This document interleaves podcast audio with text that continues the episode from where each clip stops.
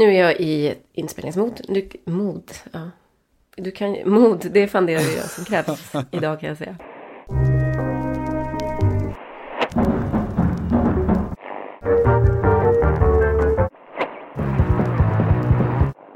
If his first goal was precision and power, if his second was brute and brutal, Messi's hat trick goal was elegant and enigmatic. With a touch as poised as Van Gogh's bush stroke, as sharp as Charles Bukowski on his typewriter, Messi became art once again. And it was fitting that it was in Seville that Messi preached magic. Resembling the dexterity of the distinctive Mujedar workmanship that has inspired much of the culture, art, and architecture in the capital of Andalusia, Messi wedged his left foot in between the ball and the green swathes of grass and lifted it over a helpless diving backlick to cushion it into the back of the net. What number or value do you put on the impact Messi has on a football pitch?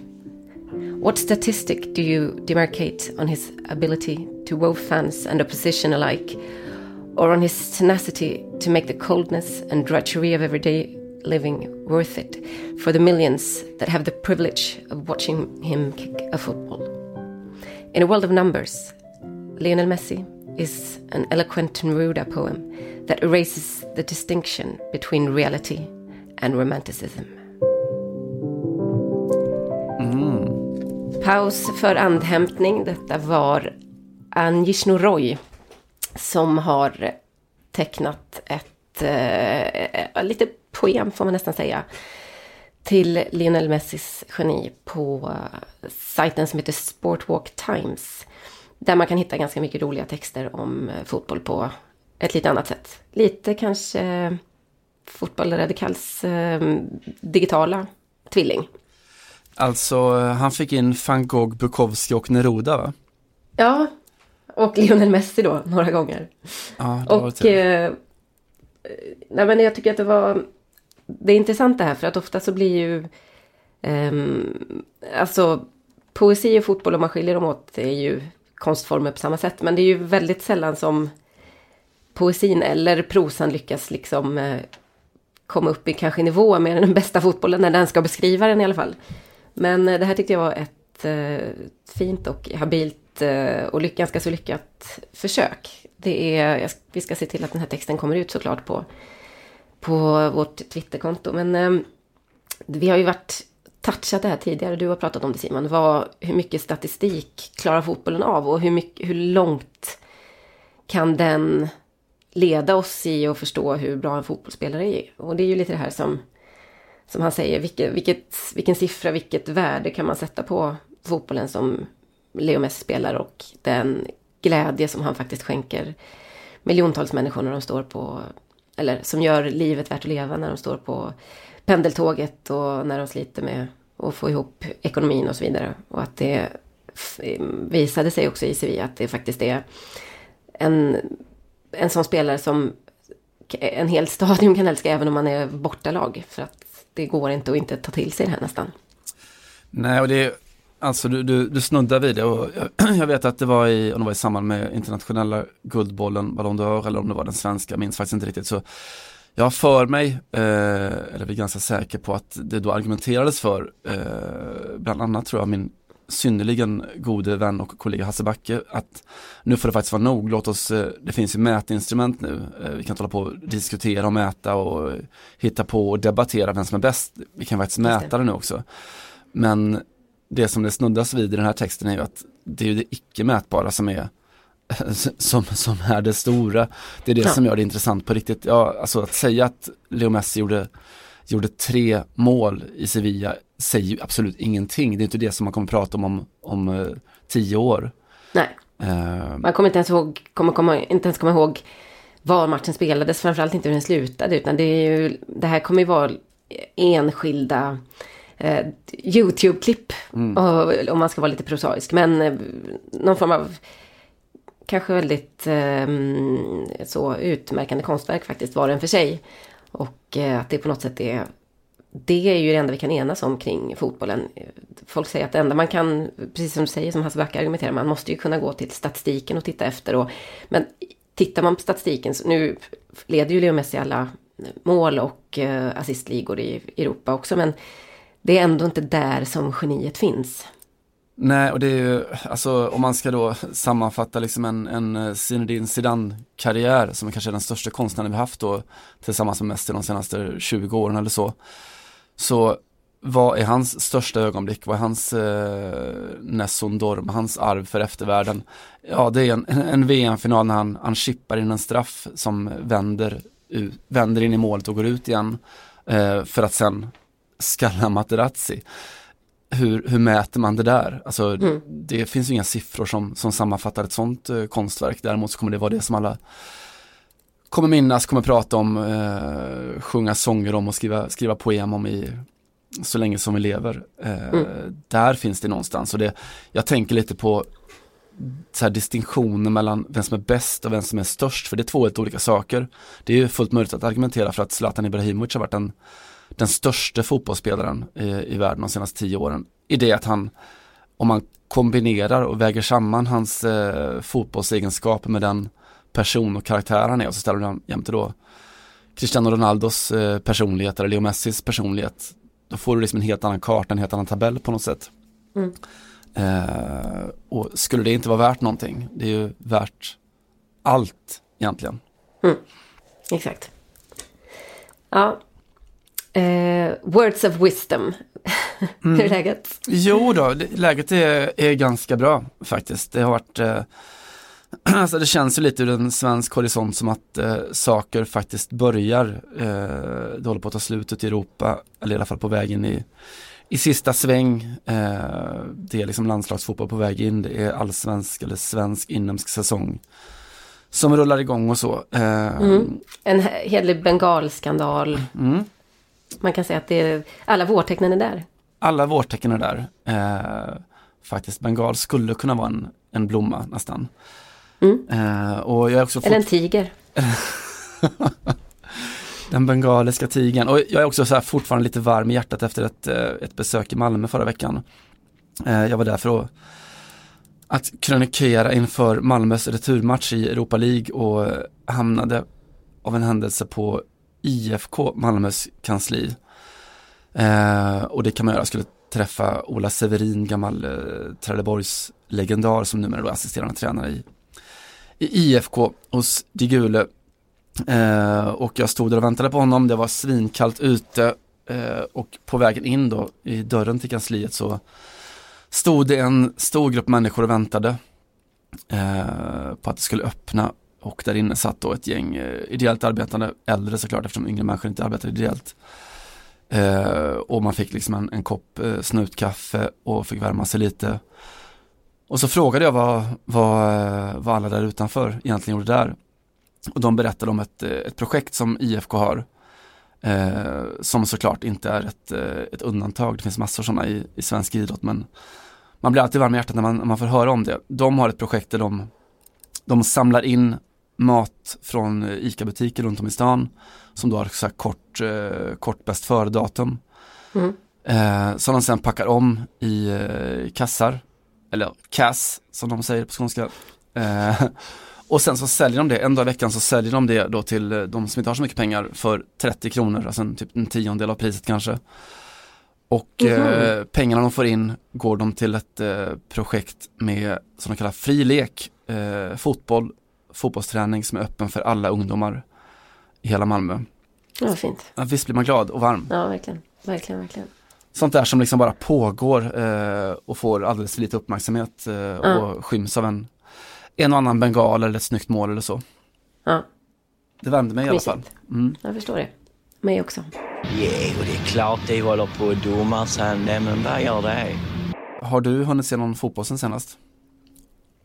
Alltså, ganska så lite tror jag ändå. Jag hade en... Eh, ibland så blir man ju tvingad mer eller mindre till fotbollsfria helger. Jag vet inte om du också har den här känslan att vad fan ska all fotboll spelas på helgerna i princip?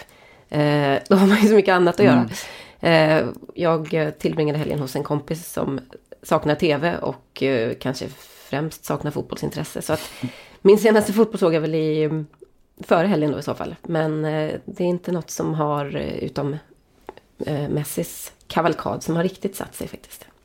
Fint. Jag tänker lite på när, eh, när vi drar då länken Messi och van Gogh, Bukowski, Neruda och så vidare. Att eh, om man ska vända lite på det resonemanget så, ja men ibland så är ju fotbollen helt enkelt sin, eh, sin poesi och sin konst och så. Lika ofta så funderar lite på varför det måste vara på det sättet när det inte behöver vara det. Eh, jag funderar på det i, i somras vet jag, en sån här tanke som drog förbi bara under, eh, under Rysslands-VM. Eh, på invigningen där så, så sjöngs det ju, Aida Garifolina sjöng opera, en uh, känd rysk sopran som sjöng. Och Fifa gick ut i sitt pressmeddelande före invigningen, före öppningsceremonin och förklarade varför. Eh, och de sa att ja, men klassisk musik är ett av få universella språk, ungefär som fotbollen. Den uppskattas liksom över hela världen. Mm. eh, och det slog mig att det har ju alltid varit så i modern tid att på invigningarna till de stora mästerskapen så är det just opera som som sjungs, alltså från 90-VM eh, när då de tre tenorerna sjöng Nessun Dorma ur Turandot.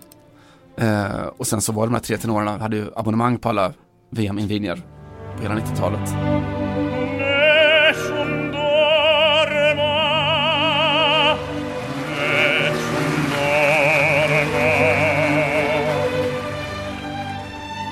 Hon i, i Ryssland sjöng väl i och för sig, sjöng hon inte tillsammans med Med Robbie Williams Robbie Williams, mm. ja.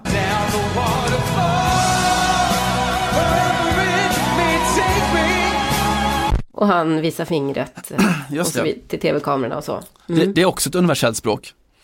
Ja, det kan man säga. Väldigt så. Bra eh, bildspråk. Mm, jag tänkte lite på att det finns ju kanske om man utgår från spelarna så är ju, känns ju operan ganska avlägsen. Om man utgår från konstnärerna. De, eh, jag tror inte att operan är ett universellt språk i omklädningsrummen runt om i, i toppligorna i världen. Nej, det vågar man väl nästan slå fast va? Jag tror det, utan att ta i för mycket. Eh, mm. Däremot var Gustav Svensson, landslagsmittfältaren, ute och pratade i en intervju i Aftonbladet i förra veckan om att han är en jazz-aficionado. Han älskar tydligen att hänga på jazzklubbar. Eh, mm. Det gjorde mig lite glad, men han är bördig från Kina så att det går lite utanför utanför toton så att säga. Eh, men jag tänkte lite på hur, när vi hyllar fotbollsspelare, eh, de får sina minnesmärken och museer och allt sånt där, så om man jämför det just med hur man hyllar eh, de här klassiska kompositörerna, de som ligger bakom det här, det här universella språket, så jag har varit på ett par sådana här museer eh, runt om i världen, eller ja, mest i Italien om man ska vara ärlig eh, i Donizettis barndomshem i, i eh, Borgo Natale i Bergamo till exempel. Ligger liksom i en sån här mörk källare, han kom från en fattig familj, eh, slutet på 1700-talet, eh, hantverkarfamilj och han var femte barnet och eh, jag fick någon privat visning där för att de skulle stänga museet men, men någon sån här eh, intendent gick runt och hade långa föreläsningar, det var eh, fantastiskt. Jag har varit på Bellini-museet i Catania i Palazzo Gravini. Bellini som kom från en helt annan klass, en överklass, bodde någon sorts nästan palatsliknande våning där. Och man kunde liksom se den här cembalon som han, han eh, skrev Norma, operan på och sådär. Eh, så där. Eh, och det, jag tänkte då liksom på att just i de där miljöerna så fick man en känsla verkligen genuint varifrån de kom någonstans, var deras musik hade sitt ursprung. Just det. Och om man jämför med att gå in på eh, Cristiano Ronaldos museum i Funchal eller vad det nu kan vara så de börjar ju alltid med, eller lagmuseerna som finns i, i Barcelona eller Real Madrid eller, var, eller United eller vad det nu kan vara. Så de utgår alltid från slutprodukten. Då är det liksom ofta fokus på titlarna, framgångarna, klippen från de stora matcherna och allt det där. Eh, Just det, det är slutpunkten som är hela berättelsen. Exakt, och det är aldrig en berättelse. Eh, berättelsen måste ju först etableras igen genom, genom utmaningarna som fanns och motgångarna som fanns och eh, hela det dramaturgiska brottet på vägen liksom. Mm, just det. Och jag tänker att det hade varit hemskt kul om man fick se den utvecklingen i när vi ska minnas fotbollen med minnesmärken eller vad det är. Att inte liksom en, en Zlatan-staty där han trampar över världen och, och hänger upp alla sina titlar utan att ja, man får flytta in på deras eh, pojk eller flickrum istället. Eh, man hade ju faktiskt velat ha just, det finns ju en jättefin bild på Zlatan. Han ligger just i sitt pojkrum och har de, alla de här bilderna på eh, Ronaldo på väggarna, brassen Ronaldo, och ligger och läser någon tidning med ett stort flin. Det är ju kanske egentligen den bilden man hade velat ha med sig som konst, alltså som skulptur av Zlatan om man hade fått välja. För att det egentligen säger också mer om varför det blev som det blev. Den är ju hela storyn, alltså det är, jag tror att Christer Hansson, eh, Aftonbladet fotograf som har tagit den bilden. Eh, och jag skrev sen så här tio år senare när han mötte fenomen Ronaldo att eh, han hade sprungit genom väggen i, i pojkrummet. Eh, och där finns ju storyn, jag menar jag är någonstans totalt ointresserad av hela medalj och prisskåpet eller äh, övermänniskobilderna så. Mm. Och till och med de man skulle kunna hoppas på, så Iniesta liksom, har han ett museum, ja men det är hans, hans farfars eh, bar då hemma i Fuentalbia med, då, som är tapetserad med löpsedlar och foton och rubriker från hans karriär. Men det man ville se, alltså där är ju, är ju själva monumentet är ju baren i sig liksom. Mm.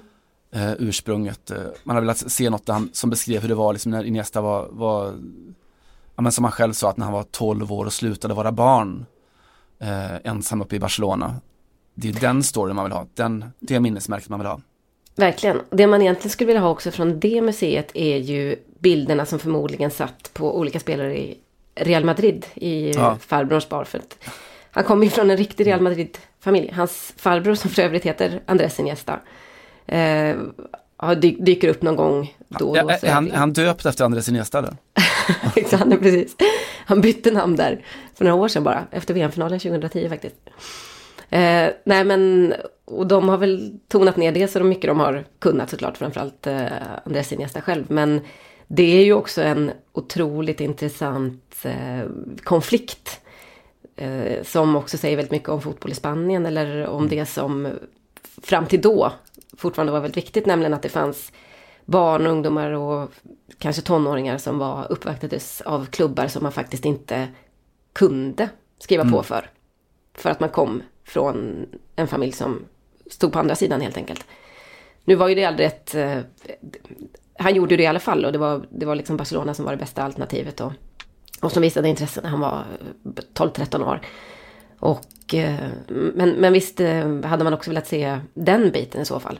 Och Andres Iniesta har ju berättat också mycket om hur, om hur ledsen han var, hur, hur jobbigt det var för hans familj som knappt hade liksom lämnat sin hemort. Och så skulle de åka till Barcelona som faktiskt för många spanjorer är lite som ett annat land. Det är de inte mm. sena att påpeka heller eftersom det är ett, ett, ett, Spanien är ett land med väldigt starka regionala skillnader. Och ett eget språk dessutom då som finns på, ganska, på flera håll. Det är inte bara i, i Katalonien även om det kanske är starkast där. Uh, och hur, alltså man skulle vilja se mer av de här tårarna och kanske mm. något brev hem eller något sånt där som, som kanske berättar att nu, nu ger jag upp och kommer hem, det här var inte för mig och, och så vidare. Det hade varit en sån en välgärning för hela liksom, den stora berättelsen om fotboll på något vis. Att bort från övermänniskoidealet, bort från Alltså kopplat till den här utbrändhetsdiskussionen vi hade senast, liksom att det, ja, man gör den lite mjukare, lite mer, ja, men lite större så. Eh, mm. Någonstans, alltså om jag skulle önska mig monument och då kanske andra också, men jag hade velat se husvagnen där van der Fart växte upp, husvagnen där eh, Pierre-André Gignac växte upp, eller min absoluta så här, måste i eh, vad gäller minnesmärken, jag vill att se den här bensinstationen där en eh, åttaårig Francesco Totti svängde in med sin, sin pappa och bestämde sig för att han ville jobba som bensinmaxanställd för att det luktade så gott med bensin. Mm. Eh, något som en sån här, du vet, den, här, den där scenen i, i Jacques Demy i eh, eh Paraplyerna Cherbourg, va? Eh, något sånt där i, i, i vackra pastellfärger. Ja, men eh, Katrin Deneuve i den filmen. Mm. Precis. Eh, Sådana saker, eh, de, de minnesmärkena. Eh, Leo Messis sprutor med tillväxthormon. Eh, och precis hur liten han var. En, hans eh, skor eller tröja från när han var liten. Eh, Just det. Så. Kan ju hända att det fin- ligger lite i hans och familjens och Barcelonas intresse att tala om exakt vad det var i de där sprutorna när man tänker efter. Det finns ju en sån möjlighet. Ja, nej, men det är nog en eh, korrekt eh, observation. Men det är väl att det är väl här någonstans som det ändå finns en poängen fortfarande med sportjournalistik. För att det som, eh, vi pratar ju ofta om problemet med sociala medier och allt det här när, när spelarna och klubbarna tar över sin egen berättelse och sköter sin egen kommunikation. Och det är ju, det är ju ett hot, eller vad man ska säga, för journalistiken för att vi kommer in till mycket mindre än tidigare. De kan bestämma själva vilken, vilken bild de vill förmedla och så. Men då, det saknas ju också en viss kompetens där, för att det är oftast eh, liksom renodlade PR-människor som ägnar sig åt sånt och som kanske inte riktigt har den här kompetensen och kanske inte riktigt förstår värdet i, som du säger, och berätta var, var historien började och, och hitta vinkeln helt enkelt. Ja, vilket ju är sådär, skärningspunkten finns väl i det här Players Tribune-projektet ungefär, som, där alla berättelser handlar om just det här. När var du som lägst? När var Mm. Just du, det. vem hjälpte dig då? Eh, när grät du? Och sen tar man resan därifrån. Ja. Det tycker jag är ett uh, jättefint initiativ på många sätt. Jag har lite invändningar mot Players Tribune också för att det är väldigt mycket samma historia som berättas. Och uh, av förklarliga skäl, det är ju lite egentligen som att skriva en, en snabb självbiografi. Känns det som för många av de där, de, de spelarna som inte orkar göra det. Eh, och det är otroligt intressant att få höra deras syn och deras eh, berättelse komma från liksom, den egna för, från upphovspersonen själv. Men man missar ju väldigt mycket där också för att man, man får inte direkt, man får ju en väldigt skönmålande bild i alla fall. Ja, det är inte så mycket följdfrågor och så kan man säga. Nej, det är exakt så. No further questions, your honor. Mm, men den är kopplad lite till, alltså om, det är ett museum så kommer det vara en journalistisk produkt. Men de borde i alla fall förståelsen som, som Players Tribune har. Att eh, det är väldigt sällan intressant med matcherna man vann och titlarna man fick och pokalerna man lyfte. Det är väldigt ofta intressant med motgångarna på vägen och utmaningarna som, som fanns där till en början. Mm. Jag såg igår av, eh, lite av en slump faktiskt, eh, ett eh, program som går på TV4. Där Gunde Svan, som jag förstod det, åker runt och, och träffar eh, idrottsmän som får berätta om sitt liv och sin karriär. Och så var det Thomas Brolin som var inbjuden då igår. Och eh, han berättar om hela sin resa och väldigt mycket var det började. Det var också väldigt TV4-fierat så att det tog slut innan eh, tiden i Premier League till exempel. Så det, det, ja, sen så skulle man ju bli uttagen i pojklandslaget efter det lägret. Och eh, det blev man tyvärr inte. Det var ändå en, en ganska, tycker jag, eh, intressant insyn i hur otroligt eh, bestämd Thomas Brolin var och eh, extremt fokuserad på att, det, att han skulle bli liksom bäst i världen. Och, så där är det ju med alla spelare som spelar på en hög nivå. Alltså, skrapar man lite på ytan så är nästan alltid historierna de samma. Det var jag som stannade kvar längst och efter träningen och slog frisparkar, det var jag som var först på plats. Det var alla de här sakerna, allt det som de har offrat som, som oftast gör den där sista liksom, lilla, lilla skillnaden. Eftersom det är så extremt många som tävlar om samma position så, så är det det som gör att vissa lyckas eh, och andra lyckas inte lika bra. Eh, och i så fall skulle ju Thomas Brolins museum kanske då på något sätt eh, byggas i den grusgrop som han besöker med Gunde när han berättar om hur han sprang upp och ner och upp och ner för att han inte hade blivit uttagen då i något, ett pojklandslag på, som 13-åring. För de hade sagt att han var för liten liksom och behövde både växa till sig och bli ja, starkare. Vad ska man säga? Ja, medan man var där att de var en av de här ledarna som kom in och sa att eh, ja, men jag hade gjort det bra men jag var för liten. Man kan ju vara liten och spela bra fotboll tyckte jag. Eh, och det kan man ju vara. Så men eh, ja, alltså. Nej, men då, då var det där, nej men eh, fortsätt att kämpa men du är liten och du kommer säkert bli, kommer ha mer chanser. Nej, det var väl en liten besvikelse för det ville man ju såklart. Ja, det förstår jag. väl. Ja. Så, men, Men, eh, men vad, vad kände du själv? För om det var som det är den första lilla... det hade ju kunnat gått två vägar. En hade jag kunnat bli skitgrin och gett fan i det här, nu skiter i det här. Men jag knöt i näven och åkte hem och eh, ja, bli större eller längre, det, det är ju svårt. Men jag tränade ändå hårdare och hade, var ändå mer målmedveten efter det.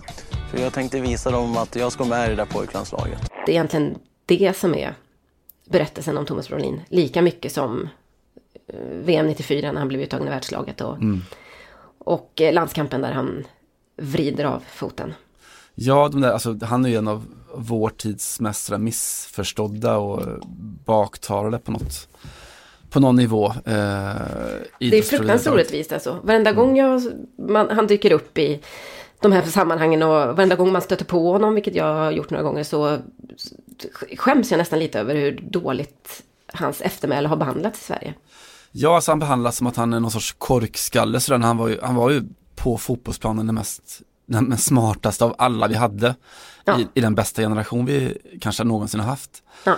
Eh, det är sådär när man ska ta med sig, du vet, alla har ju sina specifika minnesbilder från det där 94 såklart. Och min starkaste av alla är, är just den här matchen eh, när, när Kenneth Andersson skenar iväg och det är svinvarmt och, och slår ett inlägg istället för att vårda bollen och Brolin blir så vansinnig på honom.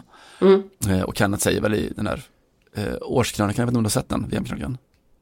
Nej, du får på mig gärna lite så kanske det, kanske jag känner igen det. Du vet. Eh, och Kenneth säger, men jag vill, jag vill spela mer, jag vill göra fler mål. Eh, vilket det var, det var ju idiotiskt såklart. Brolin förstod ju vad det vad som stod på spel och hur man skulle göra. Han hade liksom det där helikopterperspektivet över, över hela matchen. Mm. Eh, så dum har han ju aldrig, aldrig någonsin varit liksom. Han är en eh, oerhört sån högrest eh, fotbollsspelarprofil. Ja, nej, och det, nej, jag håller med om det. Och han ger dessutom, tycker jag, ett, alltid ett smart och samlat intryck. Alltså smart inte i bemärkelsen att han är ett geni eller har någon särskild bildning eller så. Men han är extremt eh, skarp och eh, ganska välformulerad också när det kommer till eh, framförallt när han pratar om den egna karriären och, och hur allt har gått. Alltså en, en, en väldigt nykter syn på det dessutom som är rätt så ovanlig. Det känns som att det kanske inte finns i generationerna efter honom. För att man bygger mycket mer en historia. Men i, när han berättar, bland annat så berättar han för Gunde Svan att eh, för att vara kvar i Parma så började han ställa krav på hur de skulle utforma träningen. För den var inte bra nog. Eh, och det är otroligt fascinerande. Jag menar, det är ju, det är ju historien om Thomas Brolin. Varför är inte den mer känd? Eh, det är ju hans eh, liksom Zlatan-pojkrum med Ronaldo på väggarna någonstans. Att det här var spelare som tog sig utan någon som helst rädsla från eh, allsvenskan till Serie A. Blev ganska dominant, eller blev i alla fall väldigt, väldigt bra där. Och sa för att jag ska stanna så behöver vi träna bättre och vi behöver göra det här och det här och det här. Det vittnar ju om en målmedvetenhet som, är, som lirar ganska dåligt med bilden man får av honom, bilden han för all del ger själv, för han är ganska nedtonad och ganska lågmäld och, och liksom ingen bombastisk typ sådär. Men eh, det är ju en, det, det känner jag någonstans är hela nyckeln till hans extremt framgångsrika karriär, även om den blev ganska kort då. På hög. Ja, jag känner också så här, alltså den här bilden efteråt då, alltså för att Thomas Brolin ska bli älskad, vilket han ju på något plan, även han med sin, sin uh, Hudiksvalls tjurskallighet såklart vill bli så, ja men skulle Thomas Brolin kunna då i postkarriärsskedet kunna vara en just den här intelligenta, verserade eh, fotbollsintelligensen som tycker och tänker saker och delar med sig av saker till kommande generationer och, och så vidare. Ja, och han kanske inte hade varit lika populär då. Så att han har ju tagit den, den lucka som fanns ledig för att nå kärlek. Så att, att bli någon sorts eh, så här halvpajas på sociala medier. Posta massa roliga bilder när han gör kul saker eh, och är Mm. bjussig liksom. Och, och det är väl jättehärligt, jag håller absolut ingenting emot Thomas själv. Det står ju honom helt fritt och det är rätt härligt att han gör det. Eh, Jag men- tyckte att det faktiskt var härligt för det var ju så många år som man fick en känsla av att han var en missförstådd eh, liksom eh, tjurskalle. Mm. Nu har han ändå fått eh, komma ut som lite så glad och god. Ja, Men det är ju inte hela berättelsen heller. Nej, och det är väl jävligt svenskt att det är den, det, den, den, det utrymmet som ges. Du får vara gla, glad och god och gärna lite småtjock liksom, då kan vi älska dig. Mm. Du får liksom inte vara eh, framgångsrik och stark på, på fel sätt. Sådär, i alla fall inte om du inte längre är, är bäst i världen på fotboll, då får du vara vem fan du vill. Men, men om du är eh, 45 eh, och har lev, upplevt saker som han har gjort, som väldigt, väldigt få andra har gjort, stått på en sån position som väldigt få andra har gjort. Då kan du inte vara, alltså i, i Tyskland så hade ju han aldrig någonsin blivit degraderad till en, en god och glad tjomme. Nej, Om man säger så. Då hade han Nej. eh, suttit i någon sorts sportslig ledning i Bayern München och, exakt. och skällt på 19-åringar istället. Ja, men precis. Ska jag dela med mig av min eh, knäppaste Thomas Brolin-historia? Please Alltså, do. ett, ett av de mest osannolika ögonblicken i mitt liv faktiskt. För några år sedan eh, var jag i Sydafrika över eh, jul och nyår. Och i den lilla, får man väl säga, kuststaden Hermanus. Så var jag på en restaurang och så skulle jag gå på toaletten och så sa de, ja men det är där över gatan där borta. Och så var det upptaget så jag stod och väntade. Och eh, ut kommer Thomas Brolin. Åh, Ja, och jag bara, nej men. Och han bara, nej men vad fan. Och så blev det ett väldigt konstigt så här, nästan att man vet, så här, står och hoppar på platsen och skriker på ett väldigt så här tonårigt sätt. Inte för att vi känner varandra, vi har ju träffats några gånger genom åren. Han, framförallt när jag har jobbat med tv så har han ofta varit inbjuden hos SVT och så. Men det blev nästan som att det var ett så här, det, det var så konstigt och så overkligt. Så att eh, det var som att smeka på en väldigt kär vän och undra hur i helvete gick det här till? ni klev in i någon sorts Narnia-garderob där i, den ligger alltså i Hermanus. Ja, ja, det var jävligt märkligt, exakt så. Ja, det tog ett tag att hämta sig från den chocken. Ja, bra story ändå. Mm. Är kort men bra. Kort men bra, som Brolin. Mm. Det hade ju också kunnat vara ett Som du, Johanna. I, I min, när jag ska berätta om min karriär. Narnia-dörren på toaletten i restaurangtoaletten i Hermanus, Sydafrika. Fint, frågan är bara vem som är vem. Vad, jag tänker att du eventuellt, eller att han eventuellt var Aslan. Ja, det, äger nog sin riktighet. Jag var väl hon den här sura Lucy, förstås. Du kan ha varit Lucy så länge så det inte var han Judas-karaktären som inte minns namnet på som, som svek eh, lejon och kompisar och allt. Ja, just det. Eh, och hängde med isdrottningen. Jo, men även om man dricker vatten så dricker jag sprit. Det är det som är problemet. Och det, det kan jag inte göra så mycket åt. Utan det är, det är inget roligt att skriva att jag dricker vatten. Så då, då drar de på åt andra hållet. Jag, jag tycker inte det är så roligt att bo i en grotta själv och sitta och sticka. Det, den personen är inte jag. Då skulle det inte gå bra för mig på fotbollsplanen heller. Du kommer fortsätta att uh, vara som du har varit. Du kommer inte ändra dig på något sätt. Nej, har jag lyckats hittills och försökt vara mig själv så tror jag nog klarar av det i framtiden också. Hey, I'm Ryan Reynolds. Recently, I asked Mint Mobile's legal team if big wireless companies are allowed to raise prices due to inflation. They said yes. And then when I asked if raising prices technically violates those onerous two year contracts, they said, What the f are you talking about, you insane Hollywood ass? So to recap, we're cutting the price of Mint Unlimited from $30 a month to just $15 a month. Give it a try at mintmobile.com slash switch. $45 upfront for three months plus taxes and fees. Promo for new customers for limited time. Unlimited more than 40 gigabytes per month. Slows. Full terms at mintmobile.com.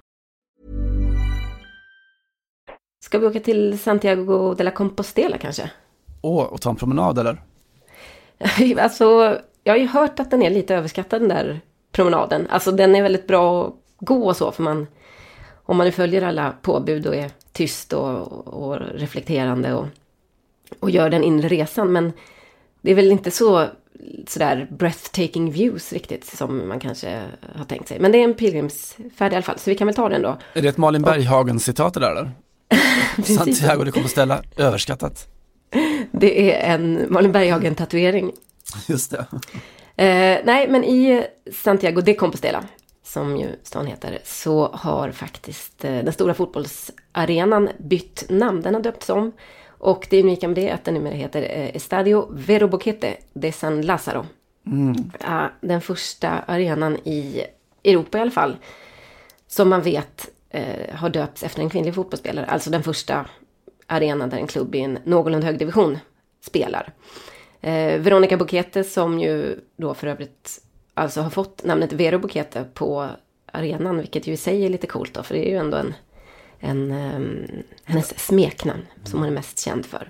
Tengo muchos recuerdos de, de ese Compos cuando estaba en primera, de, de este estadio lleno y, y disfrutando de, de la primera división. Hon eh, är stadens stora fotbollsbarn och eh, det slog mig att det, har, det här har inte hänt tidigare och man är inte förvånad. Men eh, det är ändå en, eh, någonstans en ganska så rejäl milstolpe känns det som för framförallt i ett land som vi kanske ofta förknippar med eh, lite så machism och sexism och så vidare. Men där ju damfotbollen någonstans åtnjuter den positionen att den är väl så pass liten att den inte utgör ett hot än så länge mot herrfotbollen om du förstår vad jag menar när det kommer till att fördela budget och sånt där. Så att man utan problem och utan några som helst suckar i sociala medier eller anklagelser om PK-styre och det ena med det andra kan göra det här. Jag tyckte att det var fint och förstås väldigt eh, välförtjänt. Jag tror att Vero Bukete kommer också att gå till historien som en av vår generations absolut största pionjärer för fotboll överhuvudtaget. Hon har ju gjort en fantastisk resa, spelat på en massa olika kontinenter. Hon spelar i den amerikanska ligan nu, men hon har ju varit i Tyresö bland annat, känner ni till. Hon har varit i PSG och hon har testat på många av de här riktigt stora klubbarna som är, håller på och som ja, tillhör den, de senaste fem årens liksom, aristokrati inom damfotbollen. Och var ju väldigt eh, ledande. Jag tror att det var hon som tog initiativet helt enkelt till att Fifa skulle ha med damspelare i sina sådana här eh, dataspel, var det inte så? Ja, det var hon som hon skrev i uppropet om, som inleddes med att jag, jag heter Vera Bokete och jag är fotbollsspelare. just så. Eh, apropå poesi. Eh, Mm. Nej, om vi, om vi pratar om att springa igenom väggen i pojkrummet så är ju det en berättelse om hur man faktiskt kan springa igenom väggen även i ett flickrum. Hon eh, fick ju inte spela fotboll som liten flicka. Eh, man fick inte spela med pojkarna. Eh, man fick träna men inte spela matcher. Just det. Och hon har ju själv berättat om hur hon då som liten så gick hon alltid på Compostelas matcher. De var ju bra då på 90-talet när hon var liten. Mm. Eh, De gjorde väl tre, två, tre, fyra säsonger kanske i La Liga. Ja, och jag vet att hon, eh, just eh, fenomen Ronaldo, gjorde sitt eh, vackraste mål i La Liga. Mm. Just mot Compostela på, på den arenan. Och hon var ju där då. 96, Ja. och hon var där. Mm. Och nu har hon ja, sprungit igenom sina väggar och det är inte hennes första vägg hon har sprungit igenom. Hon är som du är inne på en oerhört stor, viktig pionjär. Eh, nu är hon också dessutom krönikör faktiskt i El País. Eh, Ja. Så det, det tas stora steg. Jag är, älskar henne verkligen. Jag tycker hon är helt fantastisk. Ja, hon är det. Jag läser i texten att den heter Estadio Vero Boquete de San Lazaro. Jag kan se på bilden att den heter Estadio Municipal Veronica Boquete. Så att jag lämnar eh, ett litet frågetecken där för vad som... eh, Men bilder ljuger väl mindre än ord brukar man säga. Så att eh, jag bara vill gardera mig med det. Ja, hon är, hon är krönikör. Det finns, eh, det är ju fler och fler eh, aktiva damfotbollsspelare som, som blir det. På här sidan så är det oftast något man kanske blir i efterhand när man har lagt ner karriären. Men jag eh, noterar att eh, Enea Loko till exempel, den kontroversiella, jag gillar inte att säga det riktigt, men eh, en, en spelare som har gått igenom mycket kontroverser i alla fall med det eh, engelska FA. Eh, en stor eh, skandal där hon bland annat anklagade dåvarande förbundskaptenen var det för rasism ju. Enea Loko har alltså nigerianskt påbrå som så många britter. Hon skriver i eh, The Guardian mm, en gång i veckan eller något liknande. Också och skriver krönikor om fotboll. Mycket läsvärda. Just det, läs läs. Mm. Eh, Ver- Vera Bokete också. Hon skriver, hon skriver bra. Hon skriver re- relevanta frågor och så. Mm. Bra grejer. Fotbollny radikal. Ska vi leka lite? Ja. Mm, jag tycker det är på tiden. Det är oftast du som får underhålla mig. Jag tänkte att jag får betala tillbaka nu. Mm. Eh, är Fuck, Mary kill-leken bekant? Oh ja. Bra det. Eh, mm. Det är det kanske inte för alla så jag ska ändå dra en kort eh, regelbeskrivning här. Den handlar ju om att man eh, väljer tre stycken kändisar, eller man, man får tre stycken kändisar och eh, så får man välja, och man tvingas välja hypotetiskt då ska sägas. Vem av dem man vill ligga med, vem man vill gifta sig med och vem man vill döda. Eh, ja, man menar väl varken att man ska döda eller, eller ha sex med dem, men, men jag tänkte att man kan ju, det är fullt möjligt att eh, applicera det där på, på fotbollslag. För Mm. i ett, så här, ett lag som är värt att hålla på på riktigt så ska ju alla de där delarna egentligen finnas. Mm. Det måste finnas någon du vill, eh, vill döda, måste finnas någon du vill ligga med, måste finnas någon du vill eh, gifta dig med. I, återigen då, i metaforisk mening. Eh, och sen så är det väl lite som, som det med en, med en partner eller vad som helst, att man ska ju, för att det ska vara en vettig relation så ska man liksom växla mellan och vill de där olika sakerna. eh, helst kanske det att man vill ligga lite oftare än man vill döda och sådär men, men eh, det är Alltså tycker, har, man- har man 50-50 så är man ju på en acceptabel nivå ändå. Mm. Ja, fan i mig. Och någonstans, det handlar inte om sådär, de här lagen som man genuint håller på, för då är man ju låst i relationen eh, alldeles oavsett. Och det kan ju vara så här asdestruktivt liksom, alltså för, för min del. Så Tottenham för tio år sedan så ville jag typ döda alla utom Michael Dawson. Men man var ändå fast liksom, man var låst, som man kan vara i en relation. Eh, men när jag så gick igenom och tänkte då på en, en laguppställning så kom jag fram till att Först kom jag fram till att en optimal balans skulle typ vara kanske att man vill gifta sig med sju, att man vill ligga med tre och döda en. Mm. Ungefär. Mm. Köper du det som en, en hypotes? Ja, Jag tycker man, alltså man kanske vill döda en två, tre någonting då. Men jag, jag tycker att eh, om man slår ut på hela truppen så är det väl kanske proportionerligt då. Ungefär så. Och sen så gjorde jag en, en eh, snabbräkning av då det lag jag håller på på Tottenham, eh, hur det ser ut nu. Tänk, vet du vad det landar på? Jo, 7-3-1. Eh, Oj, är det ett framtida spelsystem vi har att göra med? Alltså man vill ju se det. Vet att Thiago Motta lanserade väl 2-7-2 i sitt Ja. eh, ungdomslag i PSG va? Just det, ja det håller de på med. Alltså målvakten skulle räknas som en innermittfältare på något vis tror jag. Eller något Mm. sånt. Eh, nej men Tottenham var ganska enkelt om vi snabbdrar, alltså med Loris, målvakten, ja men giftasmaterial ju, stenhårt. Eh, Serge Aurier, ja men klubba ner. Eh, Fertongen, giftasmaterial, Alderfeirel, det är väl en typisk ligg-aura sådär. Ben Davis, Svärmorström, Cissoko, eh, jag vet inte, kanske något så här skamligg eller något åt det hållet. Mm. Eh, Harry Winks eh, giftas med Eriksen, ja men självklart. Dele Alli ligga med Jong Min Son, gifta sig och Harry Kane, ja men dö. Föd alla mina barn. Så, så jag tänkte testa dig på, och du får välja lite av något av, inte lagen du håller på men som du har följt mest frekvent. Eh, vill du ha Barcelona eller Paris Saint-Germain? Och jag vill inte ha rubriken Johanna Frundén, honom vill jag ligga med i Barcelona. Men jag förstår att du är ute efter den, så att vi får väl köra på det då. Vi kör, eh, ta eh, Barcelona. Barcelona vintage eller Barcelona idag? Barcelona idag får det bli. Mm. eh, för att testa och jag tror att jag vill liksom uppmuntra alla som lyssnar, alla fem, att gå igenom sina egna lag för då får ni också en diagnos på varför det känns rätt eller fel. Om ni har underskott på något eller överskott på någonting. Men, och vi betonar, Nej, vi tar, förlåt, vi tar PSG. För jag känner, Barcelona har jag inte så många jag vill, som jag liksom med, med passion vill döda. Jag tror inte det. Förstår du vad jag menar? jag förstår det, alltså, som jag förstår, Ja. Eh, det är deras brist, deras kors att bära. Och eh, Ja. vi betonar det igen med tanke på kvinnlig journalist och eh, manlig eh, trupp och idiotisk eh, värld. Att det här är ett eh, hypotetiskt och metaforiskt experiment. Mm, det får stå för dig. Det kanske på, för mig kanske det är på fullaste allvar, Simon. Jag försöker rädda dig baby. Mm, jag hörde det. Gigi Buffon, ja, det är ju att honom gifter man sig ju med väl. absolut. Superlätt. Mm. Eh, Meunier, högerbacken. Mm, ligga. Eh, Thiago Silva, Eh, gifta. Kim Pembe, Oj. Ja, inget av de två. Då blir det väl döda då. Det är lite hårt, men det får det bli. han åkte dit. Eh, Ber- Mm. Bernat, Ja, honom skulle jag kunna döda på fläcken utan att ångra mig. Dani Alves,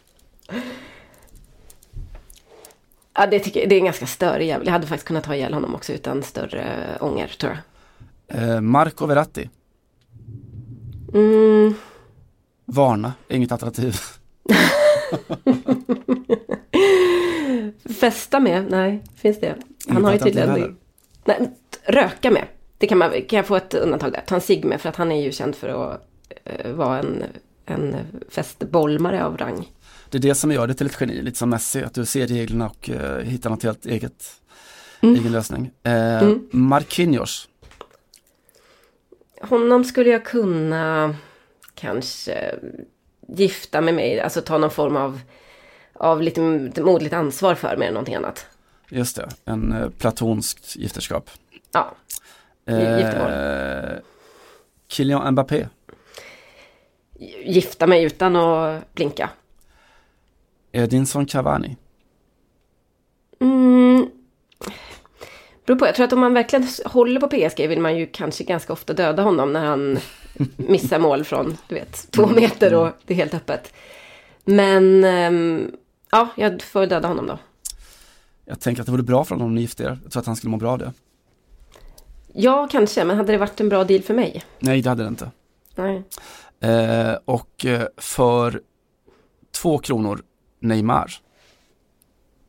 Ja, det, nej, det är ju nackskott. Då landar vi i din Ja, relation. det var, nej, jag kände- direkt det ju- Nej, Okej, nu ska jag ta tillbaka några innan du börjar räkna. Jag, eh, Kim Pembe ska jag ju inte döda, givetvis inte. Jag har absolut inget emot honom. Eh, så att vi får tumla runt då. Ja, tummel är okej. Mm. Är det några mer du vill ångra? Mm, mm. Mm, ja, nu ska vi se här. Vad sa vi om Thiago Silva? Nej, jag är nog... Jag har jo, just det. Buffon fick jag. Nej, jag tror jag är ganska nöjd där. Men det kanske... Det här är lite min sinnesstämning just nu också. Det får vara så. Det är taget. Du dödar en, två, tre, fyra män. Eh, du gifter dig med en, två, tre. Mm. Eh, du är eh, i liggmode med en, två och du tar en sig med en efter ligget. Ja. Okej, efter ja. Mm. Ja. Eh, det betyder att det här är inget lag för dig. Nej, nej okej. Och det hade jag ju faktiskt inte trott på förhand heller. Kanske att det var. Nej, det är väldigt, eh, du är för aggressiv mot dem känner jag och eh, gifter dig väldigt sällan. Ja. Story of me life. Just det, 4-4-1-1 tror jag. Eh, med Verratti som Ja, jag ska, ta, jag ska 10. ta de siffrorna vidare till Thiago Motta. De kanske kan göra någonting av det i ungdomsleden. Jag tror det. Mm. Eh, ah, vi får jobba oss framåt helt enkelt. Jag ger inte upp, vi ska hitta ett lag för dig Johanna. Ja, tack. Okej, det där var ju lite svettigt men ändå ganska så roligt. Vill du ge oss en profil att hålla ögonen på Simon den här veckan? Ja, jag vill ju det. Eh, och vi kan väl eh, bära med oss eh, Veronica Bokete in i profilerandet. Eh, och höra mig presentera Candelaria Cabrera. Som är åtta år eh, och från Argentina. Eh, hon spelar fotboll för Huracan uppe i Santa Fe där vid gränsen mot eh, Uruguay. Eh, och där finns då ett, ett par hundra grabbar som spelar matcher i så här lokala ungdomsligor. Men det finns bara en flicka, det finns bara Candelaria. Och det har inte varit några problem, det har gått jättebra. Eh, och hon är uppskattad och har kul och sådär. Eh, ända tills hon fyllde åtta, för då satte reglerna stopp, precis som de gjorde för Vero Bokete i Spanien. Så att när de skulle spela matcher så fick inte hon vara med. Eh, för så var regelverket, så var det bestämt. Och någonstans är det så den klassiska storyn om en eh, ung fotbollstokig unge sådär. Hon pratar fotboll, hon drömmer fotboll, hon leker fotboll men hon får inte spela fotboll längre. Mm. Och eh, för att ge någon så här miniporträtt av, av Candelaria så har hennes mamma berättat om någon match då när hon fortfarande fick spela och hon fick något så här stenhårt skott i ansiktet och ligger helt utslagen på marken. Och inte reser sig upp och de springer in och frågar så här, men herregud är du, är du okej liksom? Eh, och Candelaria tittar upp och så ler hon och så säger hon, ja ja, det, det, det är lugnt, jag, jag, jag maskar bara, vi leder. Så bevisligen också en begåvad eh, tjej, Boca Juniors fan eh, med massa tröjor och grejer. Och Underbart. då när reglerna sätter stopp så tar hennes engagerade mamma och eh, skriver om det här på, på Facebook. Mest bara för att få ur sig frustrationen eh, och få kanske stöd av nära och kära och så.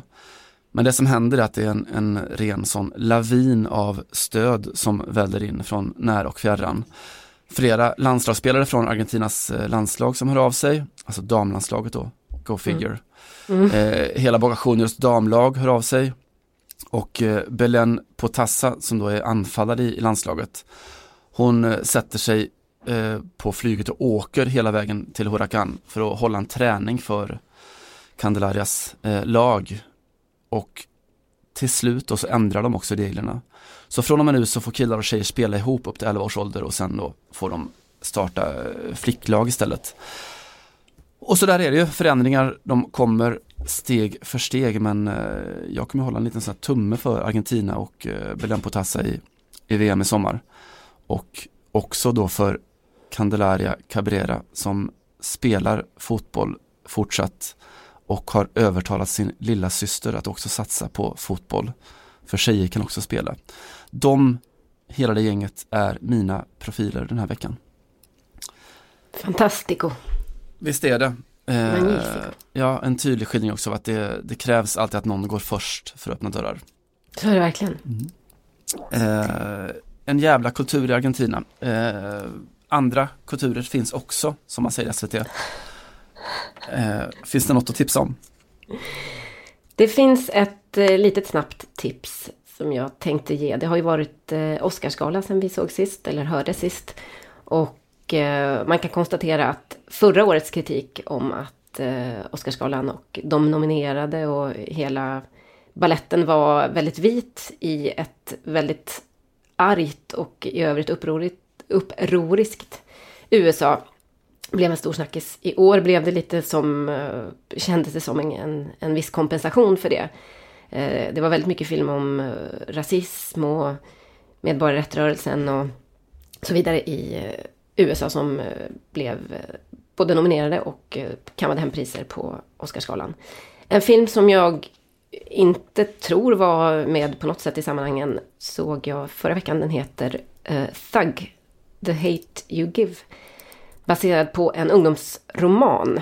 Och man får följa en tjej i tonåren, 16, 17 någonting. Som eh, är uppvuxen och bor i ett eh, fattigt och ganska våldsamt eh, område i USA. Men hennes föräldrar har ändå satt henne i en ganska fin skola några kilometer därifrån. Ehm, och hon växlar väldigt mycket mellan då sitt svarta jag och sitt, eh, den svarta tjejen i det vita sammanhanget och på den fina skolan jag. På ett sätt som eh, blir ohållbart när det sker när en av hennes närmsta vänner blir eh, dödad av eh, polis då i ett eh, ganska så typiskt sånt rasistiskt polisdåd eller vad man ska säga.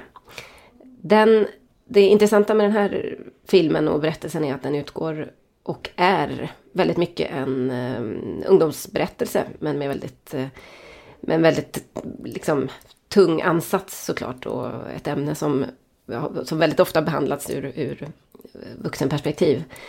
Och eh, det är en, eh, som en hybrid mellan Clueless lite grann om du minns den eh, 90-talsfilmen.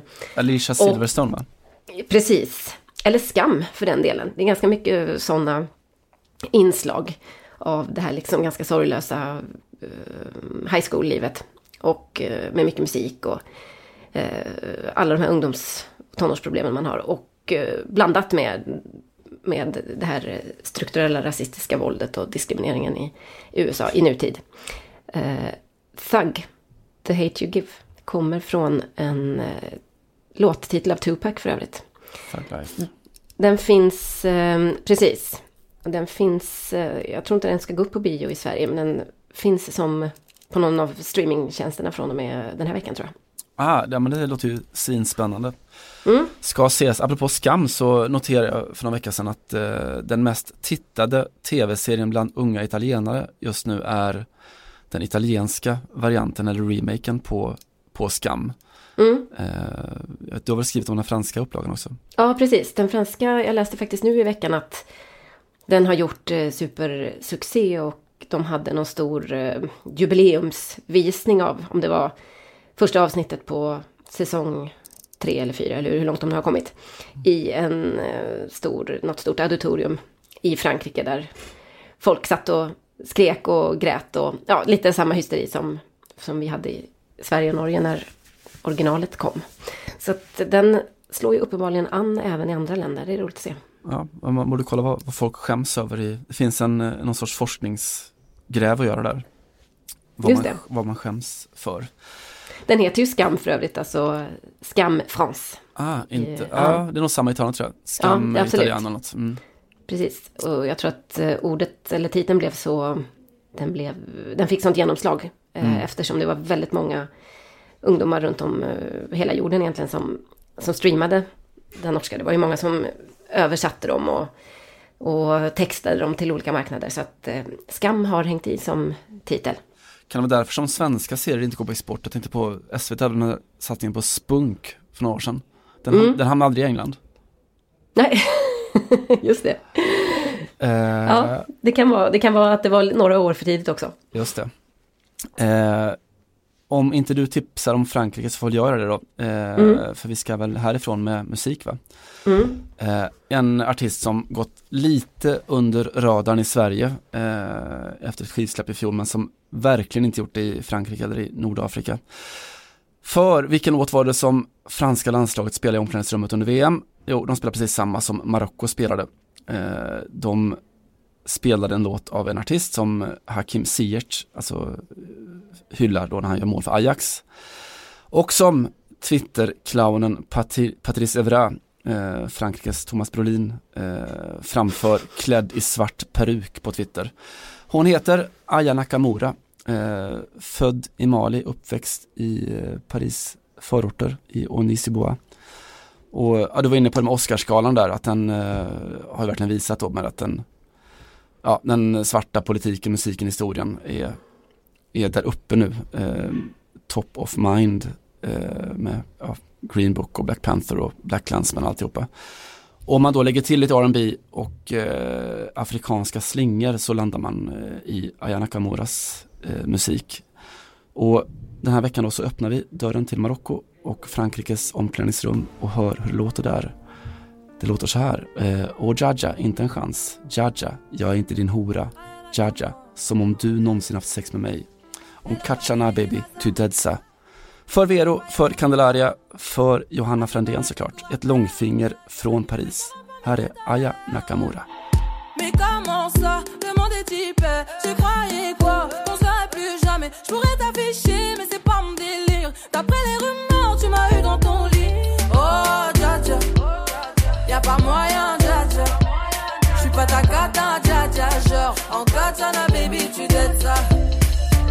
Oh, dja Y'a pas moyen, dja dja J'suis pas ta cata, dja dja Genre, en katana, baby, tu dettes ça. Tu penses à moi, je pense à faire de l'argent. Je suis pas ta daronne,